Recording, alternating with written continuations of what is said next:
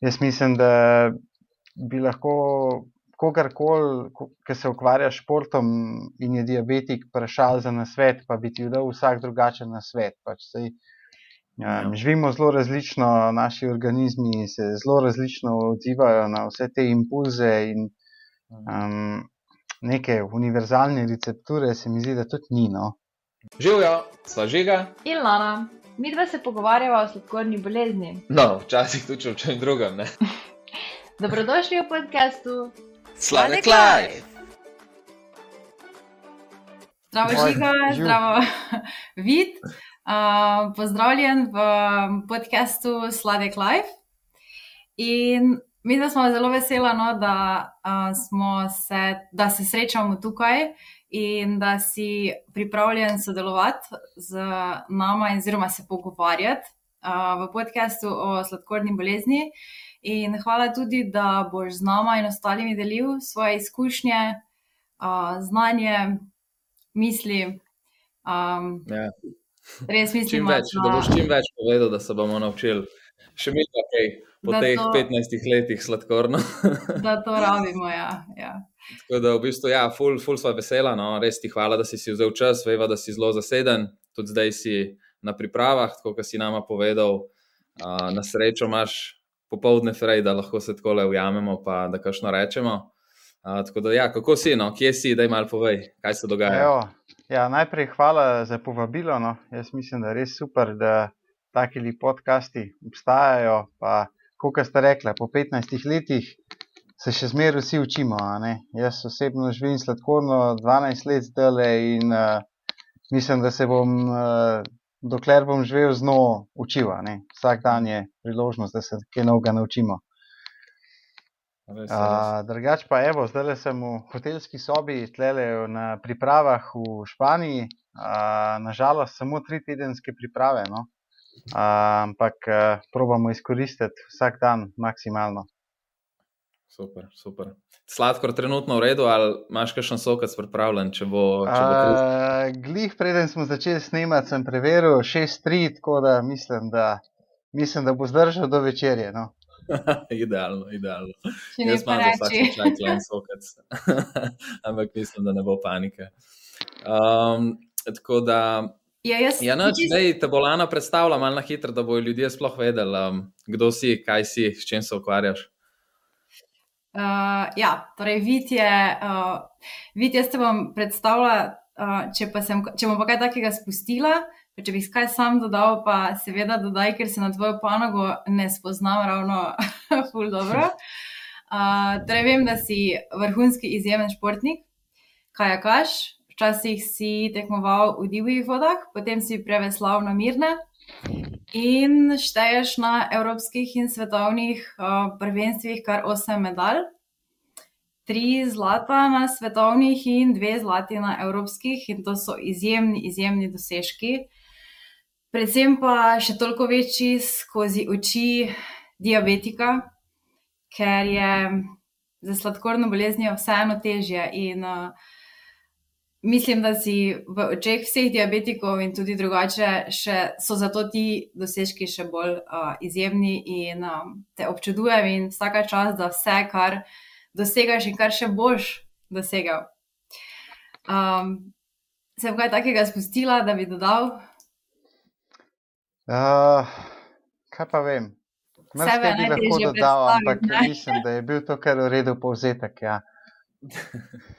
ja, v bistvu je to, da, da mislim, že te tvoje vrhunski športni dosežki, te številke, ki jih je Lana naštela, ne, te kolajne na svetovnih evropskih prvenstvih, povejo, da si res en pač izjemen človek, športnik um, in si mogel verjamem, da zelo, zelo um, neke težke poti da čez, uh, mogo si zelo garati. Uh, ker najbrž te uspehi ne preplavajo kar tako po župi, ne? to se vsi zavedamo še posebej tudi Lana se je ukvarjala s športom, s plesom, konjeništvom, kasneje zdaj celo osebna trenerka. No, tako da, um, če už kaj še na svet rabo, se se hecam. Uh, jaz sem se tudi s tenisom ukvarjal v bistvu skoraj svoje celo življenje, čist profesionalno do 22 let, tako da um, res, res se zavedam, koliko truga, truda, napora, nezga odrekanja je potrebno, da dosežeš take rezultate, kot jih ti dosegaš in jih še boš, no, res drživa pesti. Uh, ampak ja, tako da še enkrat, mislim, čestitke iz moje strani. Um, Ja. Te bi za, za uvod vprašal v tvojem nekem prvem spominu na sladkorno bolezen. Kdaj si zbolel, malo povej, in kakšni so te prvi spomini no, na, na začetku? Uh, jaz sem zbolel v bistvu pri 15 letih, to je bilo leta 2010. No. Uh, spomnim se, da je bilo poletje, pa spomnim se, da se mi je podaril svet. Tako kot se večini uh, najstnikov ali pa mladostnikov, ne, um, ki se v bistvu morajo spoprijeti z enim takim izzivom, kot je pač življenje s sladkorno boleznijo, se jim pač podre svet. In, um, sem rabu, se mi zdi kar nekaj časa, da sem se v bistvu navadil na nek nov življenjski slog, ampak um, to je v bistvu edina, edina možnost, ki jo sploh imamo. No? Da, uh, Ja, mislim, mi da z Lanom imamo tudi čist, čist drugačne neke izkušnje na začetku. Um, jaz sem se tudi zelo, mislim, jaz v bistvu nisem priznaval sploh te bolezni na začetku, tako sem rekel, ne, jaz tega nimam, sploh ne obstaja to, sem se slepil in potem me je parkrat tudi udarilo to. Ne. Um, tudi, recimo, sicer sem imel res srečo pri samem zdravstvu na začetku, da so mi zdravniki zelo dobro pomagali in vse. Ampak ja, svet se ti kar sesuje. No? Tako da tudi družina začne malo drugače gledati na vse to, tudi na njih vpliva ta bolezen.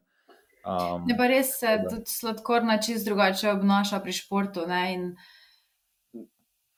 in mi trije, in še marsikdo, ki nas posluša, se tudi sigurno ukvarja z športom. In sem tudi naletela na mlade fante, ki so športniki, so dobili sladkorno in kako je to. Kako se ti res sesuje svet, ker je vs- vse je potrebno obrniti na glavo. Ne? mm, mm, jaz mislim, spoznati- mislim, meni osebno, um, v bistvu, vse tam ti vsi rečejo, da ja, še vedno lahko praktično postaneš vse, ne, kar si želiš Ja. biti. Mislim, glih, pilot pa astronaut ne boš, ampak o tem nisem nikoli prej sanjal. ne. Um, ampak v bistvu ne verjameš v to. No? In meni je predvsem na začetku manjkalo tega, da bi se lahko obrnil na nekoga, ki se ukvarja s športom ali pa se iščeš nekaj po internetu, se najde mrske, ampak ni, nikoli ni tistega. Ne vem, nek, enega kontakta, ki bi ga lahko vprašal za mogoče še na svet, ali pa nekdo, ki bi ti dal na malo spodbude, motivacije, da mm. probaš sam. ne. Sej, um, jaz mislim, da bi lahko kogarkoli, ko- ki se ukvarja s športom in je diabetik, vprašal za nasvet, pa bi ti dal vsak drugačen nasvet. Pač, sej, Ja. um, živimo zelo različno, naši organizmi se zelo različno odzivajo na vse te impulze in um, neke univerzalne recepture, se mi zdi, da tudi ni. No. Ja, res je, res je. Še kaj si mi dal eno idejo, uh, sem se spomnil, ko so isto so meni rekli v bolnici, ko sem zbolel. Vse lahko postaneš, ne? vse lahko počneš v življenju.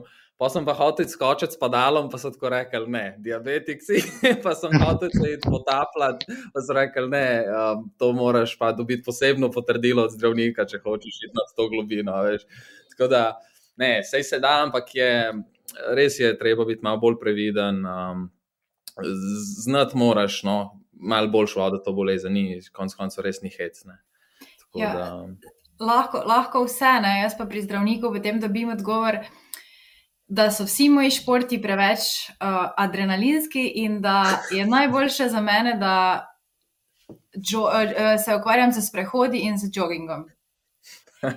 In mislim, da od takrat naprej nisem šla ene štiri leta na pregled, ker sem imela tako dobesedno poln kufer um, tega, da nikoli ne vodim sladkorne perfektno in uh, ne vse to za športom, ampak ok, ne, ne bom za tem Ja. pač. Uh, Vse, ki Ja, smo bili pri um, zdravnikih, kakšno izkušnjo si pa imel ti vid, um, v bistvu na začetku, ko si zbolel, kako so poskrbeli za te v bolnišnici? Uh, jaz moram reči, da sem imel izjemno pozitivno izkušnjo. No? Jaz sem je takrat uh, na pediatrični kliniki vodila dr. Bratina in ona mi je dala ogromno enih nasvetov, ogromno enih kontaktov. In uh, me je tudi vedno spodbujala. No. Verjamem, da me tudi še zdaj spodbuja, čeprav je že nekaj časa nisem videl, ampak um, grejo precejšnje zasluge za to, da sem v bistvu ustrajal v športu, sploh v teh prvih letih sladkorno boleznijo tudi njej. No. Um, tako da jaz, Si, jaz osebno imam zelo, zelo dobro izkušnjo. No. si bil potem um, v, na UKC hospitaliziran za nekaj časa? Ja, ja. Uh, mislim, da je bilo en teden, deset dni. Malo sem Ja. tudi uh, potlačil te spomine, no? ampak uh, nekaj tasga je bilo. Tako kot jaz. Pa se mene je Nataša, ne, gospa Bratina. Um, mi je parkrat rekla, z vidom te pa moram spoznati, z vidom te pa moram spoznati. In evo, ni najo, do, do danes. da- No, evo, evo. Zdaj končno, so, končno smo se ujela. um, dej, dej, povej mi, zakaj si se sploh eh, odločil za veslanje, no? za tak šport zanimiv. Uh, jaz sem se v bistvu prej ukvarjal z atletiko, um, ampak se nekako nisem tam čist najdel. No, uh, pa sem se pa z družino preselil, pa sem zamenjal šolo, uh, tam je bilo pa pa sošolcev, pa v bistvu ta generacija, uh, ki so pa veslali tukaj v ne. In, uh, mene je tako vedno privlačila voda, vedno sem bil okrog čovnov in kajakov in morja in tako.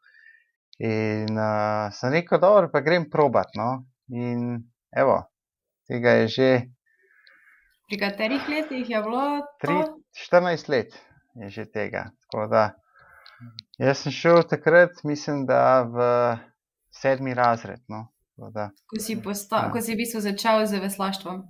ja, ja, v bistvu sem uh, veslal leto, pa pol, dve leti, no? ko, ko sem dobil diagnozo. tako da. Mm. Ja, ja. Kako pa je potem tvoja družina um, to sp mislim, sprejela? Um, kako ste se, kot, torej starši, um, če sem te razumela, imaš brat, brata, sestra, Uh, Um, tri sestre. tri sestre. tri sestre. Um, ena od njih je tudi zdravnica, tako da um, precej eh, podpore je prišlo tudi uh, od tam. Uh, drugač, um, v bistvu so vsi tako, um, mislim, pozitivno sprejeli, no? vsi so mi bili zelo v pomoč, uh, noben ni zganjal neke panike okrog tega. Um, pač, vsi so vedeli, kaj je pred mano. Um, Nekako so vedeli, kako mi lahko pomagajo, vse ostalo je bilo pa na meni. ne, in, eh, Pa so ti slučajno si imel kdaj, mislim, občutek, da, da so bili starši zaskrbljeni na tak način, da bi ti malo omejevali šport, recimo, ker pač ti si bil res vrhunski športnik, ne? takrat si na polno najbrž treniral. In, in, a so kaj omejevali te treninge, so rekli, da je pazim ali kaj pa če ne bi. Um, do neke mere ja, predvsem mama, no, sej, mame se Mm, pač ja. take. Ne. Mm. Ampak um, ja, mogoče prvo leto, leto pa pol, nekako, da greš čez cel ta ciklus um, priprav in potem tekmovanj in um, vsega, pol pa v bistvu sta mi dva starša toliko zaupala, da se nista nič več um, vtikala v, v moj šport, no. vsaj, vsaj z tega vidika ne. No. Si ti mogoče pomislil takrat na to, da bi zaradi sladkorne odnehal? Ja, ja, mislim, v tistem trenutku definitivno. Ne, mislim, sej, sej si niti ne predstavljaš, kako boš zdaj usklajeval toliko enih stvari um, skupaj s športom in šolo in vsem. Um, ampak pol, ker nekako stvari začnejo nekako se sestavljati Mhm. skupaj in pol gotoviš, da se da. Nekako. Ja, Ampak najbrž vseeno takrat je bila manjša pauza, um, mogoče od rednih treningov na začetku, da si dal takrat, um, torej ob diagnozi, da so se mogoče malo zmanjšali tvoji treningi. Ja, ja mislim, da prvih, prvih par tednov, um, ne vem, če sem, če sem prav šel na nek specifičen trening. No. Um, ker jaz sem dobil diagnozo v začetku julija, je bilo to, pa mislim, da se potem, da enkrat nekje do konca septembra, začetka oktobra nisem vrnil v nek režim treninga. No. Mhm. Si, si verjetno tudi fizično, um, si čutil fizično utrujenost. Um, vseeno ob diagnozi nas spremljajo določeno pomankanje energije, hujšanje, ne, ko je moteno delovanje inzulina. Si tudi občutil, da na treningih ti je takrat manjkala moč? Um, v bistvu je bilo zanimivo, tako sta me v bistvu starša posumila, da um, mogoče je nekaj ne, narobe bilo v tistem trenutku z mano in ok, itek, da sem pač pil Mhm. nenormalne količine vode. No. Um, pa vedno sem se počutil boljš po treningu kot pred treningom. Vedno sem imel več energije po treningu kot pred treningom, ne. kar je tiho obratno od tistega, kar bi pričakoval. Ampak takrat na treningu je meni uh, krvni sladkor padel ne, in sem se pač počutil toliko boljš. Um, Ker bi se mi pol mama nekako prepričala, ker sem se glih takrat pripravljal na eno evropsko prvenstvo uh, za mladince, da bi šel kukar na pregled krvi, če je vse v redu. Tako in sem šel. No, in Ja. mislim, da so potem par ur kasneje klicali, da mogoče pa ni čisto vse v redu z mano.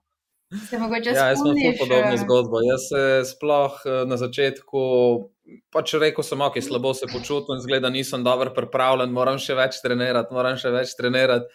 Pa itak sem treniral že po pet ur na dan in, in mi mama reče, pa že ga to neki ni ure. Sem rekel, ne, ne, sem mal sem utrujen, zdaj sem velik treniral, se ni nič tazga. Ne. In pol sem odlašal kar nekaj časa, tako se spomnim, mene 14 dni um, sem se res slabo počutil. In pa so oni rekli, ne, ne, žiga tole ni nobena pretreniranost, to, ni, to moramo kridati. In pa smo itak takoj videli, da, um, da bo treba v Ljubljano. Se spomnite vrednosti sladkorja ob diagnozi? Jaz mislim, da sem imel 36, če se ne motim. Oh Uh, jaz, če se prav spomnim, so iz, tle iz laboratorija javili 25, pa pa v bistvu par ur zatem pa 33, no, ker sem bil sprejet. Ja, jaz sem imel tudi. Uh, takrat se spomnim, na oddelku je bilo par. Nas, mislim, ene par fantov, ki smo zboleli v približno istem terminu, in sem imel jaz najvišji takrat, no, ob, ob sprejemu uh, sladkor. Uh, tako da Jaz sem imela- za en primer, se spomnim, imam v glavi, da je imel en 42, za drugo pa ne upam. No, nič jaz reči. poznam eno punco, ki je imela nekaj čez 50, no, Oh, ampak je že Jaz- je padla v komo. No, mm. Jaz sem celo slišala za en primer, sicer iz Švice, ni poznan, uh, ko so reševali iz hribov enega, ki je imel pa 70. Hmm. Ampak To pa najbrž da- od vsega šoka, pa Ja. stresa se najbrž to res totalno zviša. ne. Mm. Ej, daj mi povej, uh, vid, um, si vedno na sladkorno, mislim, ker si na začetku zbolel, si vedno, mislim, si se zares zavedal, da je to neka težka bolezen, ali si mogoče malo šalantno na začetku gledal, pa si potem, pa ti mogoče nek trenutek uh, res spremenil ta pogled, ali si počasi gradil na, na tem zavedanju o sladkorni, ali kako. kako Um, jaz mislim, da sem se kar um, hitro zavedal, um, v kakšni situaciji sem in pač, da sem se sprijaznil s tem, da pač ne bom živel več, kot sem živel prej. Um, ampak sem tudi hitro ugotovil, da moj življenje ni nič manj kvaliteten, kot je bil prej. No. Tako da Jaz še vedno zase trdim, da um, mogoče živim bolj kvalitetno zaradi tega. No. Mhm. Ja, jaz imam tudi to teorijo. To se sicer bolj navezuje. Tu se navezuje na vprašanje, ki sem te kasneje želela vprašati, ampak te bom kar zdaj. Torej, sklepam, da imaš pozitiven odnos do bolezni, ne gledaš na to, kot da ti je. Seveda nam je vsem do neke mere ovira, um, ampak kot praviš, živiš bolj kvalitetno. Zakaj? Zakaj? Um, predvsem, ker v bistvu, če hočeš imeti urejeno sladkorno bolezen, moraš imeti relativno urejeno tudi pač življenje. ne. Moraš, živeti, moraš imeti pač urejeno prehrano. Moraš, v bistvu, vsaj jaz zase vidim, najbolj imam urejene sladkorje, ker imam en ritem. In v tem ritmu pač dobro funkcionira, si produktiven in poln energije. In mislim, da če ne bi bil strani sladkorne bolezni nekako prisiljen v, v tak življenjski slog, um, bi se mogoče kdaj izgubil, ki je na poti. No? Um, se ti pa zdi, da ti daje tudi neke karakterne lastnosti, karakterne neko disciplino, pa vztrajnost, nepredanost tudi v zvezi z veslaštvom oziroma pri športu? Uh, ja, ja, definitivno. Um, jaz mislim, da je bilo sploh v tistih letih, ko sem jaz dobil diagnozo. Um, to so tiste leta, ki veliko mladih športnikov odneha. Um, jaz in glede zaradi tega, ker pač prihajaš v ene više starostne skupine, ne vem, postaja mlajši član, to so že člani, odvisno od športa, in uh, rabiš več discipline, um, če hočeš biti uspešen, če hočeš napredovati. Jaz sem pa v bistvu vse to že imel. Ne? Mm. In um, mislim, da mi je bilo v tistem času mrzke olajšan, glih zaradi sladkorne bolezni. Tako da jaz osebno je najemljem kot um, nobeno oviro pri športu. Ne? Pač je neka specifika, ampak um, pa zdaj rekel, da bi v športu dosegel nekaj več, če ne bi imel sladkorne bolezni, ne verjamem. No? Ja, ful, ja, ful, dobro te je poslušati. Ko to govoriš z eno tako, tako mirnostjo in preprostostjo, res dobi človek, ko te posluša, dobi jaz občutek, pa se je res vse možno, če si želiš. Um, ful, dobro. Ja, je, ja. Dobro, definitivno je bila sladkorna, odkritje sladkorne bolezni en veliki prelomni dogodek v tvojem življenju. Si imel še kak drug pol, mogoče prelomni dogodek, ki ti je spremenil pogled na življenje, ali zvezi s športom, diabetesom? Ha, mislim, da ne. No. Mislim, da, um, da bi bili neki hudi prelomni dogodki. Ne. Kaj pa, kaj pa, kdaj si se pa zares začel zavedati, da lahko postaneš vrhunski športnik, oziroma da je to res tvoja tista življenjska pot? Uh, v bistvu dobro leto potem, ko sem dobil diagnozo. Um, sem prišel na svetovno prvenstvo, noben me ni poznal. Um, star sem bil uno leto, potem 18 let. In v bistvu sem prišel na svetovno prvenstvo in sem bil tam drugi v sprintu. Um, to je bila neka potrditev, no? um, da lahko, da se da, in um, v bistvu iz tega sem naprej gradil. No? Evo, mogoče ti je sladkorna omogočila to, da ti je dala še dodatnega zagona. Kaj si rekel? Ja, ja sej, um, če bi se nekako, ki si navaden enega, ne vem, enega trdega dela in tudi pač. Mislim, sej, sama veste, da vodenje sladkorne bolezni je eno trdo delo. Mislim, veliko moraš časa in truda vložiti za to, da se stvari začnejo um, poklapljati. In uh, ko to povežeš s športom, pol, mislim, zajahaš en val in moraš iti z njim. Mm, mm. Res, ja, smo že pri trdem delu, um, kaj lahko poveš. Kako izgleda tvoj dan, sploh, no? dej, dan vrhunskega športnika? Um, da je malo pišto, no? da si bomo sploh znali predstavljati. Ja, Zdaj, trenutno zgleda malo drugačne, ker um, v bistvu do lanskega leta sem bil jaz še, vsaj za naše razmere, profesionalen športnik. Pač bil sem financiran strani države. Um, sicer sem dobil neko minimalno plačo, ampak pač sem bil profesionalni športnik. In takrat um, v bistvu je trening večji del dneva, tistih šest dni na teden. Um, Evo, tako kot danes, srede popovdne so ponovadi frej, pa sobote popovdne in nedelje, vse ostalo so treningi. Zdaj je odvisno od obdobja, pri, mislim, odvisno od dela pripravljalnega obdobja, v katerem si, um, tako so potem ti treningi mar um, varirajo, no? ampak um, med tri in štiri treningi na dan, ne? se pravi. Um, recimo, sploh v spomladanskem času, ko se malo se greje, pa tako, ko smo na pripravah, se vesla dvakrat do povdne, enkrat popovdne in potem, uh, da je po, dru, po, v bistvu, po, po povdanskem veslanju ali je kakšen raztek ali je fitness. Um, Večinoma ste v vodi, pol, največ treningov v vodi. Ja, ja, kadar je dovolj toplo. Po zim pa veliko teh treningov nadomesti um, tek, imamo tudi uh, kajakaške ergometre, um, ta sobno kolo, spinner mu mi pravimo. Um, ogromno je teka na smočeh. Da, um, no, čeprav tudi po zim sem videl tacno, uh, kaj sneg okrog, ste kar norci, pa greste. Ja, ja mislim, vse je treba ohranjati stik z vodo. No? Um, vsaj da se ta občutek ohranja, um, je to kar pomembno, no, da ni neke velike odsotnosti od tega mhm. kontakta. Ker smo pri treningih, kako bi pa rekel, da so se spremenili treningi ali pa ne vem, kakšna regeneracija, prehrana, um, zdaj, potem, ko si bil, ko imaš sladkorno, no, lahko ne, so bile sploh kakšne razlike ali si probo biti strikten pri nekem trenažnem procesu, tako kot prej.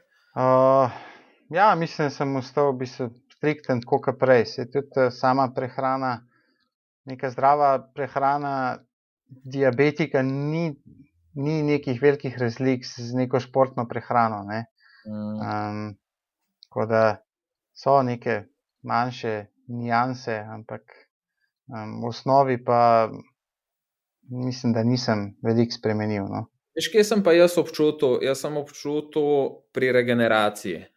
Ko sem gledal ostale tenisače na višjem nivoju, zdaj govorim, ker sem po svetu hodil po teh turnirjih, um, sem videl, da so lahko brez problema otrenirali dve uri več na dan, kot jaz, ali pa odigrali še eno dodatno tekmo, če je bilo treba. Jaz, mene je takrat uh, začel zmanjkvati, tam sem, tam sem videl to razliko. No? Si ti opazil kaj podobnega? Uh... Ne, jaz osebno ne. No. Uh, je pa res, da bi se sem šprinter. Da, um, verjetno bi občutil neke, mislim, bi imel neke drugačne občutke, če bi se pripravljal za neke daljše razdalje, mm. za kakšne maratone. No. Um, ja.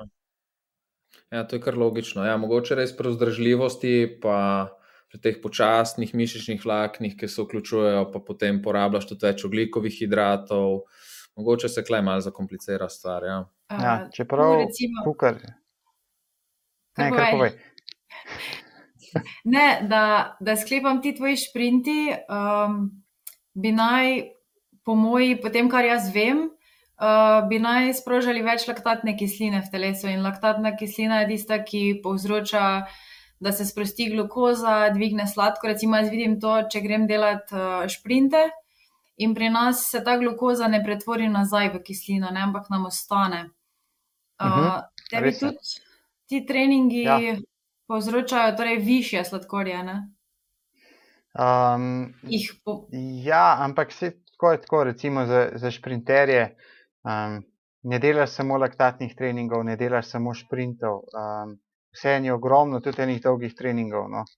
Um, vse je to tudi ogromno aerobnih treningov, um, ker v bistvu ti rabiš neko bazo za to, da ti lahko zdržiš dan za dnem tekem. Včasih imaš recimo dve, dva, tri uh, tekme v enem dnevu, ampak to pomeni tri ogrevanja, to pomeni tri razveslavanja zraven teh treh sprintov, ne, ki jih oddelaš. Um, zdaj, kar se samih teh laktatnih treningov tiče, um, mi pa vedno sladko naraste po treningu, približno ja, dve ja. ure po samem treningu. No? Um, takrat, ko se v bistvu to začne razgrajevati. Ja. Pa potem korigiraš uh, te viške ali jih, recimo, če se ti to zgodi do povdanih, potem popravljaš za treninge. Uh, ne, ne, jaz jih ponovadi kar korigiram. No. Mm. Kaj pa v bistvu meni? Zdaj si mi, rekel, si mi rekel, da si na inzulinski črpalki. Ja. Koliko časa si pa že na tem, najbrž nisi od samega začetka? Uh, eno leto sem uporabljal te pene, pa sem bil pa uh, na inzulinski črpalki. No. Kako jim je pa uspel tako hiter, te, mislim, da so te tako hitro prepričali?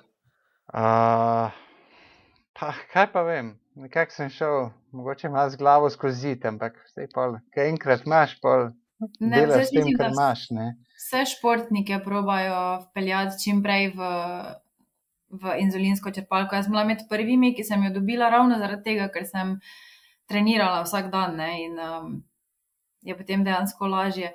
Máš pa ti vse čas priklopljeno črpalko ali si med treningi tudi sklopiš? Uh, med treningi sem brez. Si brez? Um, vsaj to, kar je na vodi, treningov sem brez, ker so vseeno so oski čovni in um, v bistvu bi mi bila malo na poto. No. Ja. Ne, pa tudi v vodi si konc koncev. Sicer ne vem, zdaj katero črpalko uporabljaš, jaz imam uno ta staro še. Ka, če jo dam v vodo, je pač konec. Da... Jaz sem tudi staro, pa moram reči, da je ne dve sta šle plavati, pa sta pol še delali, kar nekaj časa. Res? Da, Res? Um, ja, grem zdaj testirati takoj. uh, ne, ful zanimivo, kaj jaz v bistvu, mene so tudi takoj prepričvali za in sem se uperal zelo, zelo dolg časa. Um, evo, mogoče zato nisem številka ena, eh, ki nisem imel v tenisu, ki nisem imel črpalke. Zakaj pa si um, se? Po mojem sem bil na penih, po mojem sem bil pf, šest let, zihar. Zelo dolg čas. No.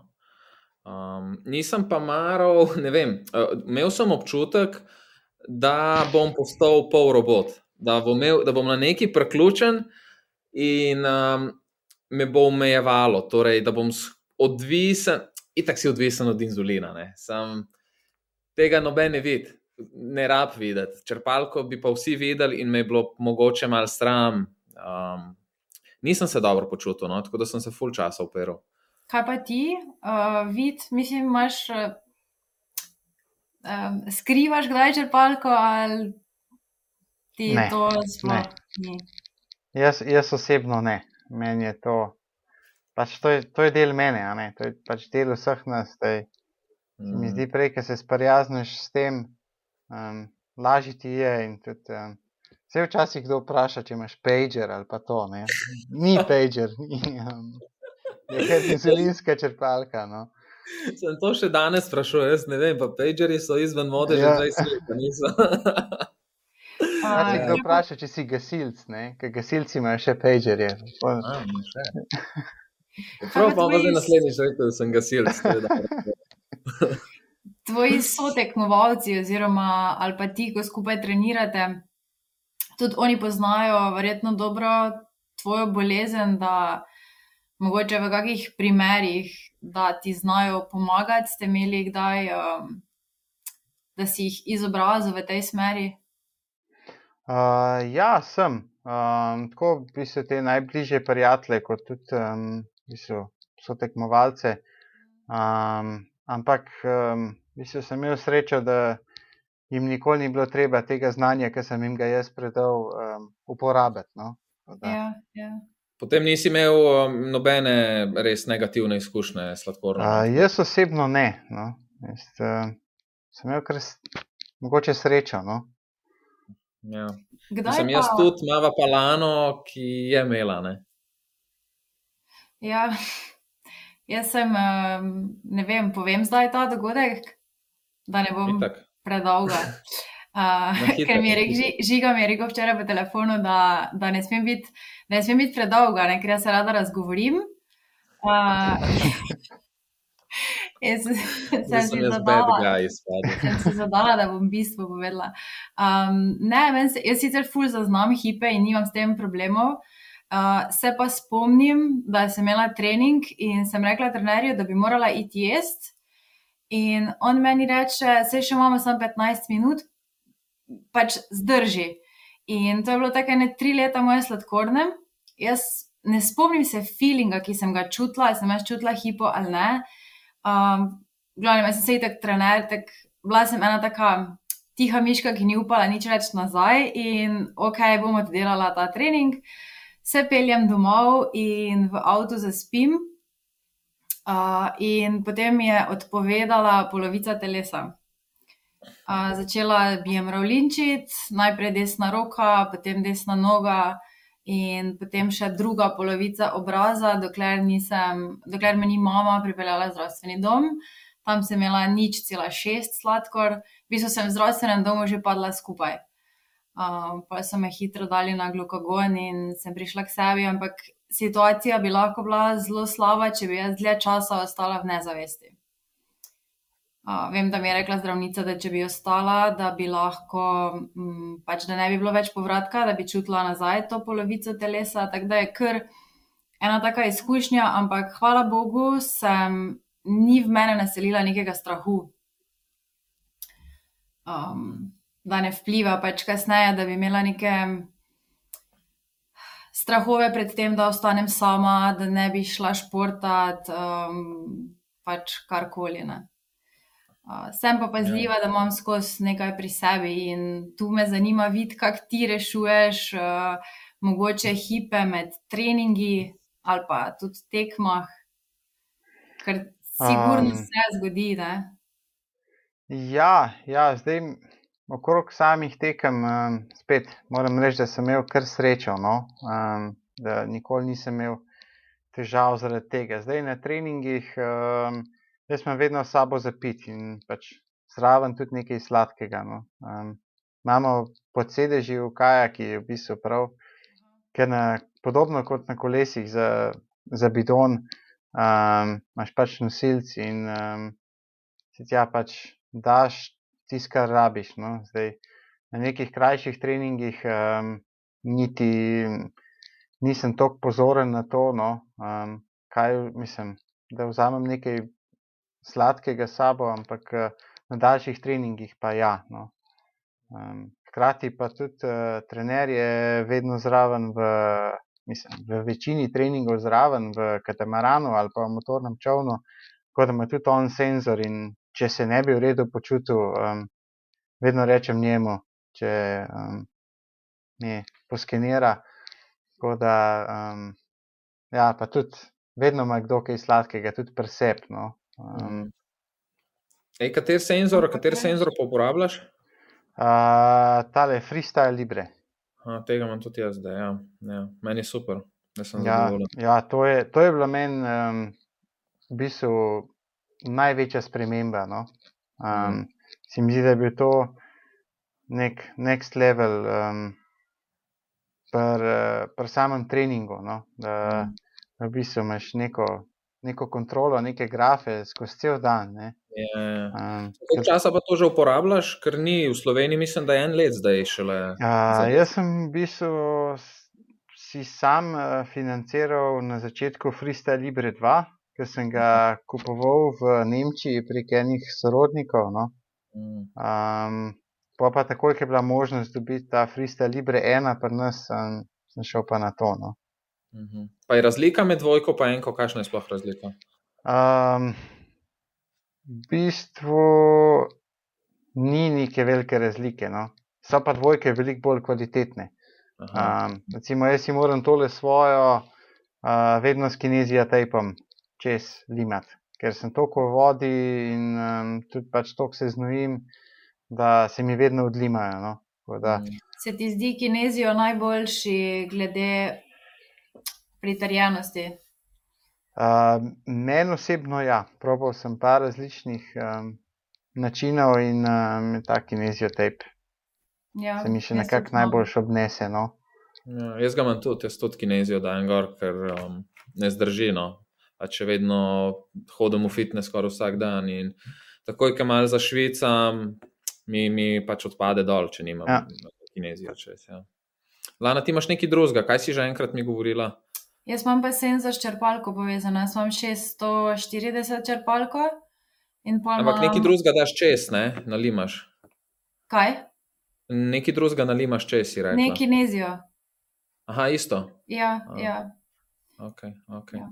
Ej, kaj si nisem te prej razumel, kaj uporabljaš pol, sokce največkrat za hipo ali, ali kaj? Ja, ja. Bistvo, se mi zdi, da nekako s tem najlažje kontroliram. No. Hmm. Um, ampak ja. imel sem parkrat pač izkušnjo s neko uno hipoglikemijo sred treninga in um, tudi pol, ki se nekako vrneš na neko normalno raven, um, Ni več to. to. ni, ni več to. to no. Tako da sem ponavadi pol trening zaključil. No. Mm, ja, ja. Ej, koliko, koliko pogosto se ti pa zgodi, recimo, da ti sladkor pade? Da bi imel hipoglikemijo na treningu, recimo. Na treningu ali pa izven treninga, kadarkoli. Oh, kaj pa vem. Tudi zelo odvisno od obdobja. No. Vem, da imamo obdobja, ker vam v bistvu no, nizek sladkor, ne vem, pod štiri vsak dan. Ne. A, ja, ja. Um, ampak pa pa spet nekako to, kar izveni. No. Um, to je ena Mm. te stvari, ki v bistvu nikoli um, ne sam, ne z, uh, in z dr. Bratino, in uh, kasneje z dr. Skvalčev, nekako nismo nikoli uspeli ugotoviti, kaj točno to povzroča. No. Tako da moja teorija je še vedno um, nek stres. No. Mm, ja, Um. Ker Okay, zdaj nekako- sem zvedel, da imava, da imava isto zaporedje zdravnikov. No? Zdaj sem jaz kvarči, tako da zgleda slediva. Ali pa športnike tako napotijo. Ali pa meni- športnike tako napotijo. Ja, no. Kaj pa si, da se ne vrtimo samo v hipo, kaj pa v, v hiper, oziroma bolj me zanima, do katere višine toleriraš sladkorje, da so ok sladkorji za trening. Ne, ker načeloma se za nas tudi Um. svetuje malo više. Mm, Uh, zdaj, jaz recimo nikoli nisem šel na trening s sladkorjem višjim od 14. No. mm. To je neko pravilo. ja. Ja, Kaj pa, recimo, idealen sladkor za pretekmo, oziroma kako se sploh lotiš tekme, ki priješ na tekmo, kdaj preveriš sladkor, koliko prej, koliko, mislim, katera višina sladkorja ti je idealna za štart. Um, zdaj to je spet odvisno, kdaj je tekma, um, ker recimo mi šprinterji imamo velikrat kvalifikacije zgodaj zjutraj, se pravi, imaš štart že ob nekje med 8 in pol 9 zjutraj. Um, tako da ti so polkar dolgi dnevi, ker potem pa so recimo polfinala ob 4-5 popovdne. No. Um, tako da tam se potem na nek tak tekmovalen dan mal drugače organiziraš, pripraviš, kukar na ne vem, neke dneve, ker imaš štart ob nekih normalnih dopoldanskih urah ali pa tako. Um, ampak jaz nekako probujem imeti na štart s sladkorjem nekje med 6 in 8. No. Um, ker vseeno mi se ponavadi greš približno uro pa pol do dve pred štartom ogrevati, to je neko daljše ogrevanje, potem prideš z vode, imaš še v bistvu čas um, no, malo zase, da se res fokusiraš na, na štart, na, na pogoje, na nase. No. Um, največ. Uh, tako da nekako tisti je še eno zadnjo okno, kjer si lahko um, reguliraš sladkor. No. Um, in ponavadi sem s temi sladkorji med 6 in 8, potem po tekmi, ker pred samim štartom imaš še eno manjše dogrevanje, ne, če lahko temu Mhm. tako rečemo. Um, in ponavadi sem nekje med 4 in 6 potem končal. No. Aha. Pa si Ok, veš to čas je- izklopljen od črpalke? Uh, ja, ja. Koliko časa je to potem? Um, mislim, v tem umestnem času med enim in drugim ogrevanjem sem preklopljen, ampak uh, recimo na tekmi to ni tako velik. To je, um, če imaš potem še kakšno vaganje oziroma kontrolo čovnov, um, pa kakšno izjavo, če moraš dati za televizijo, za radio, tako si maksimalno eno uro. No? Ampak Pa si potem, uh, recimo, torej, ko imaš tisti začetek, se odklopiš in si recimo eno uro brez črpalke, a si greš um, vmes, ko si priklopiš, um, doziraš za nazaj bazalni inzulin, ali če vidiš, da je sladkor ok, nič ne dodajaš za nazaj. Um,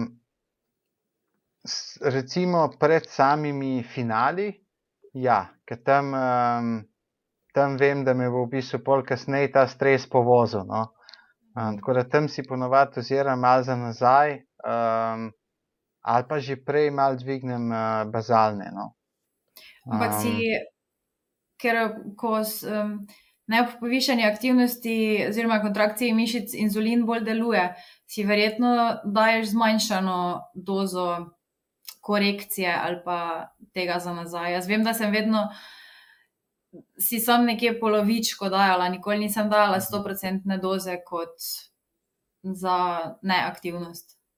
Um, jaz glih polovičko ne, no, ampak nekih 70 do 80 odstotkov ponavadi, ampak spet to je, to je enih faktorjev, ki vplivajo na to, da, ja. da bi zdaj rekel, da je to receptura, ne, da ja, bi jo ne. prodajal nekomu drugmu, ni. No. Um, vse en, moraš, moraš poslušati, poslušati svoje telo, samega sebe, pa nažalost se moraš učiti iz, iz svojih izkušenj. No.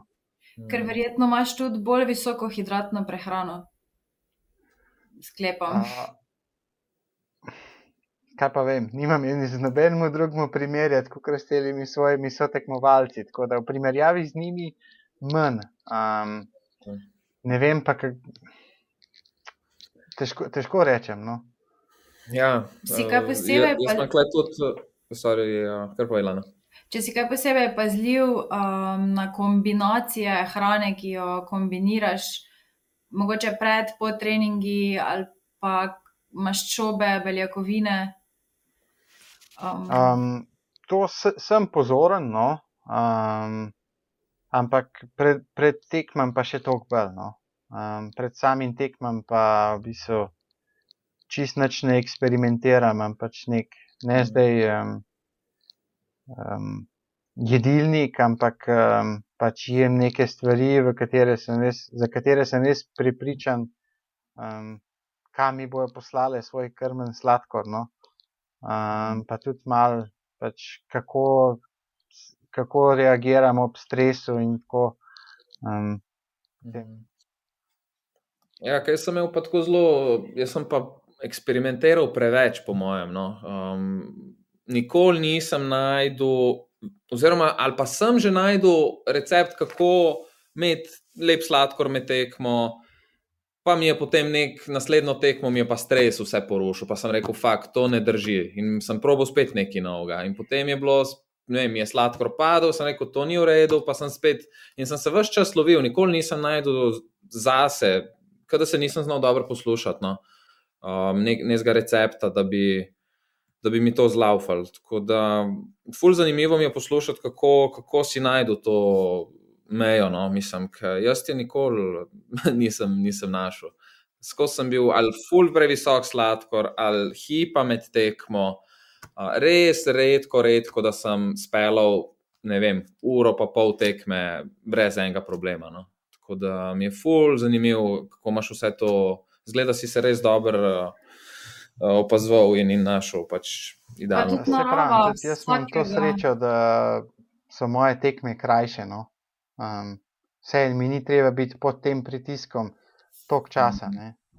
Vse to se misli, narava našega športa pri vsakem je čist drugačna in ne čist drugačne posledice ima na telo. Um, kaj pa to me še zanima, zdaj, ko si na pripravah? Um, pol tudi daš se kaj posebej pogovoriš glede prehrane, ali torej tam, ko ti pripravljajo hrano? Um, recimo tukaj, kjer smo zdaj, je v bistvu idealno. No? Tako da um, tukaj nisem nič, um, prosil za kakšen drugačen jedilnik. Um, v prejšnjih letih um, sem imel pa v bistvu srečo, priložnost uh, biti sparing partner enemu izjemno dobremu srpskemu, ki je kašel. Um, tam smo pa spali v luksuznih hotelih, no, tako da tam je pa itak potem self-service in um, si sam sestaviš, kaj boš jedel. No, Kako pa kompliciraš, drugač, tudi če si doma sam kuhaš, recimo, ful zakompliciraš z jedilnikom? Ali... Uh, ne, ne, jaz ne, ker um, se mi zdi, da se nekako zgubim v tem, če preveč kompliciram. No. Ja. Um, nekak, vedno... Dokler mi stvari funkcionirajo, jih kar pustim pri miru in uh, uživam v tem cajtu. No. Jaz tu vedno, zato sem te to vprašala, ker pri teh um, imam en tak mogoče mali strah pri restauracijah ali pa hotelih, um, ker vedno slabše se mi zdi prebavljam te maščobe, na katerih se hrana pripravlja, torej olja, ki so večkrat termično visoko obdelana in potem se mi zdi, da se mi kar zamašijo celice in um, inzulin ful slabše deluje. Tako da sem te v bistvu iz, me iz tega vidika zanimalo, če se ti zdi, da, um, da bi maščobe te druge pripravljene hrane, ki ti v bistvu ne vidiš, kako se pripravlja, um, imelo kak vpliv na tvoj sladkor. Um, Ali bolj posegaš potem po kuhani hrani? uh, precej rajš pač posegam res po kuhani hrani. No? Uh, Glede se temu izognem, sploh v nekih takih bolj kritičnih trenutkih, no, ali tako le na pripravah ali na tekmah. Um, ampak da bi pa opazil neko hudo razliko, um, recimo, kot si rekla, pri teh maščobah, je nisem, ampak verjetno je to spet um, malo odvisno tudi od samega metabolizma. In, um, pravim, med sabo smo si zelo različni. Um, že. Ja. Pa jaz bi zdaj res čist, to, to sklepam čist po sebi. Um, pa tem študijah, kaj sem o sladkorni bolezni brala, je, da vseeno tudi, tudi drugi procesi v trebušni slinavki so pri nas malenkost oslabljeni, kot če bi bila trebušna slinavka zdrava. In jaz pri sebi po tolikih letih, ker jaz sem že 23 let uh, sladkorno bolezen, pač vidim, da mogoče v zadnjih petih letih, um, da se mi je poslabšala presnova maščob. Um, pač rešujem potem z prebavnimi encimi, pa prilagajam si hrano. Res pa je spet, kak ima kdo metabolizem. Uh, ne, Ja. ogromno je pač dejavnikov. Pa verjamem, da je tukaj zelo velik, mislim, po mojem mnenju, je velik vpliv, da imate ženske mogoče tukaj, da ste še bolj občutljive na take stvari. No? Ker zihar se sprožajo, mislim, izločajo drugačni hormoni, um, najbrž na drugače reagirate na nekatere stvari. Tako da sem opazil, no, ker sem se pogovarjal tudi s kakšno punco, sladkorno bolnico, da je imela čist drugačne probleme oziroma drugačne situacije bila postavljena, ki jih jaz sploh nisem poznal. Doskrat, ne. Ja. Sploh sladkorna, ko je tak, um, tak tih, uh, tih Ja. dejavnik, uh, ali pa Ja. ima tudi zakasnele um, te Mhm. posledice. Ne, ne bi zdaj rada rekla, da je tih ubijalec, ampak um, vedno kasneje se potem izražajo Mhm.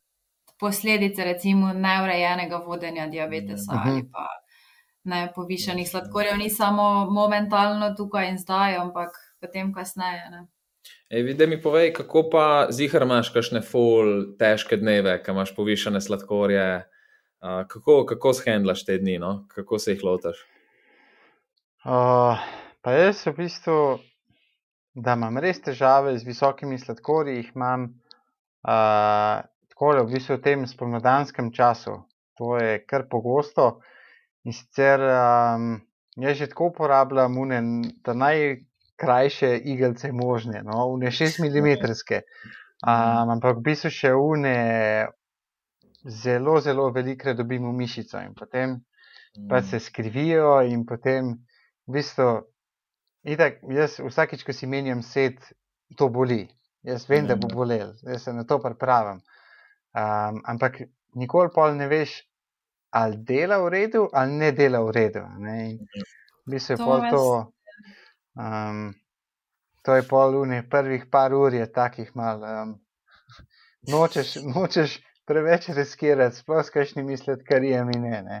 Ja, Um, ampak največkrat uh, imam težave v bistvu zaradi, um, kadar mi nagaja ta inzulinska črpalka. No.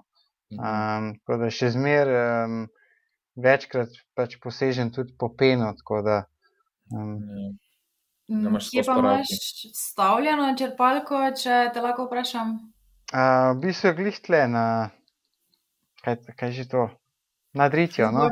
Zgornji- del ritnice. Ja, ja. Uh, to je edino mesto, kamor si jo lahko dam. No? Koliko let pa že imaš tam? Um, Ja, odkar jo uporabljam, se pravi 11 let. Ne?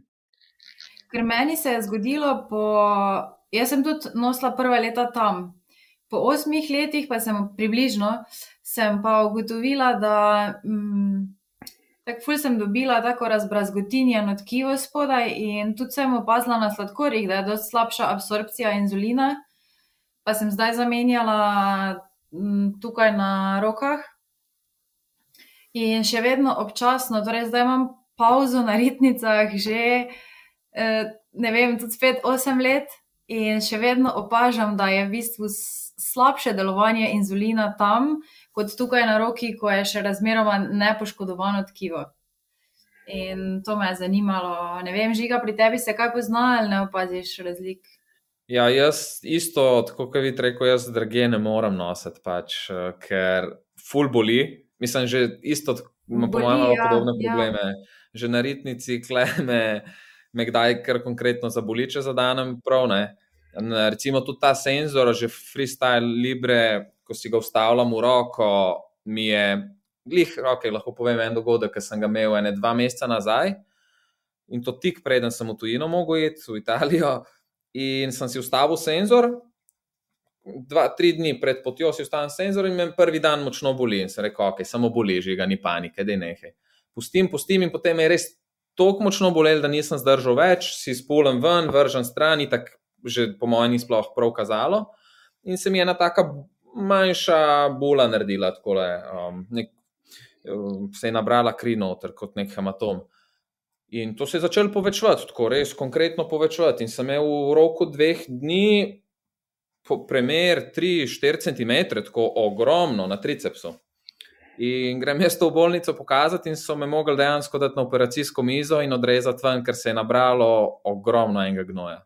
Tako da iz ene čist brezvezne stvari, iz nerodnosti, mislim, res. Uh, in sem mogel na operacijsko mizo, da so mi ven spucali gnoj. Tako da, ful imam pol predsodko, res pazem, kam si ustavljam te stvari. No? Res trikrat potipam, a je doskle mehko, je preveč mišice.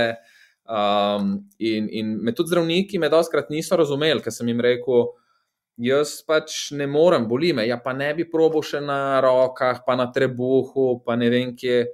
Uh, sem probal, pa pač ne gre. Boli, to je prva stvar, druga stvar, dvomim, da sploh tam učinkuje, da pravilno teče um, inzulin noter. No. Da... Imata, oba imata senzor na roki, tricepsu. Ja. ja. Sta še ga nosila kje druge? Ne.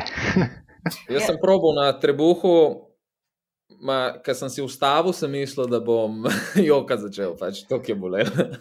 ja, meni je trebuh tudi neprijetno. Jaz pa ga imam dostkrat no, na stegnih, na zgornjem delu stegna. Imam senzor in ja, ok. Hm. Ja, moj pomislek je, da bi bil Ker... na poto. No? tam? Uh, v bistvu, jaz sem si ga dala na stegno, ker imam torej zdaj črpalko na tricepsu. In pol ni dobro, da imam in senzor, in črpalko na eni roki.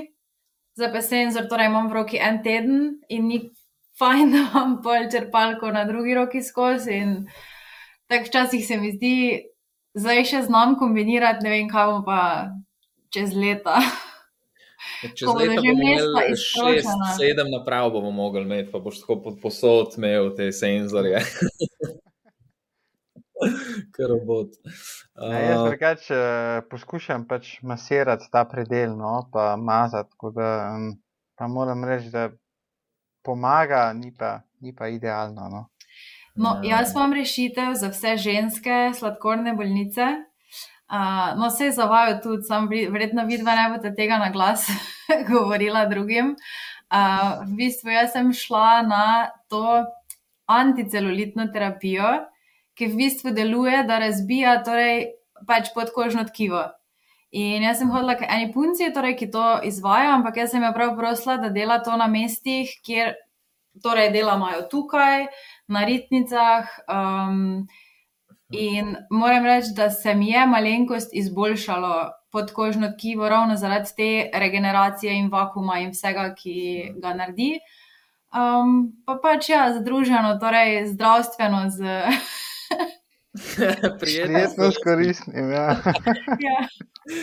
A če, kako si rekla, anticelulitna masaža? ja, pa te nek, zdaj, ko so Madeira ali Brazilska. Ali, uh, glavnem, namen pač je celulit, Ja. uh, se znebiti, ampak um, jaz nekaj, da poskusim zaradi sladkorna. Ne, Ali obratno, Ja. ali si zdaj to malo?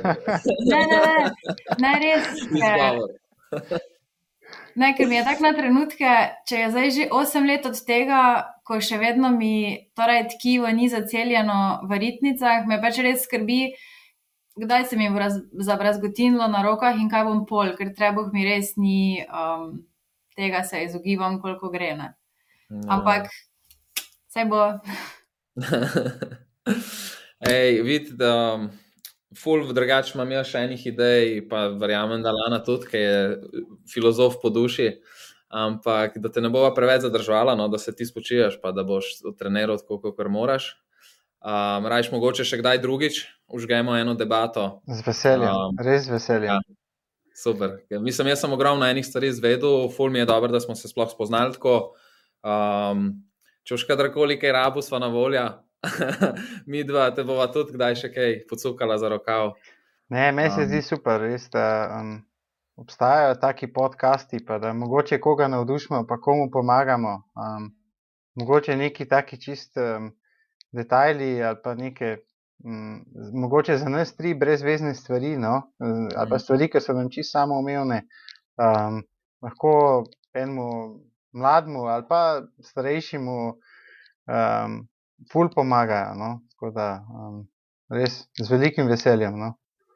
Si glih tako lepo zaključil uh, te besede, imaš mogoče kako misel ali pa nekaj, kar bi svetoval torej, um, ali ne vem, staršem ali otrokom, ki so tako kot mi zboleli in se želijo ukvarjati z športom, mogoče eno tako zaključno misel. Če bi. Uh, bistvu, jaz, če bi sam Vse pred um, 12 leti dajal na svet, bi, um, bi rekel, naj me to ne skrbi. Da, um, pač ne je zdaj z glavo skozi zid, ampak um, včasih moraš kaj tudi riskirati, moraš probati sam in uh, se učiti iz svojih napak. Sej, tako kot smo v bistvu, mi trije zdaj ugotovili, vsak na neke specifične stvari pri vodenju um, svoje bolezni. In, um, če poslušaš svoje telo in um, se učiš, um, te nima biti česa strah in lahko dosežeš res, kar si želiš. No. Jaz mislim, jaz nimam kaj dodati. Jaz no, imam kurjo tako kožo. jaz mislim, da moramo klak končati in to je to. Hvala ti, no, vid. Ja, Hvala hvala vama. Hvala vama. um, vse dobro. Uspeš. Če ti je najmen pogovor o sladkorni bolezni všeč, naj lahko podpreš tako, da se naročiš na podcast in ga deliš z ostalimi. Za kakršnakoli vprašanja pa nam le brez oklevanja piši in z veseljem odgovoriva. Čau, čau! čau.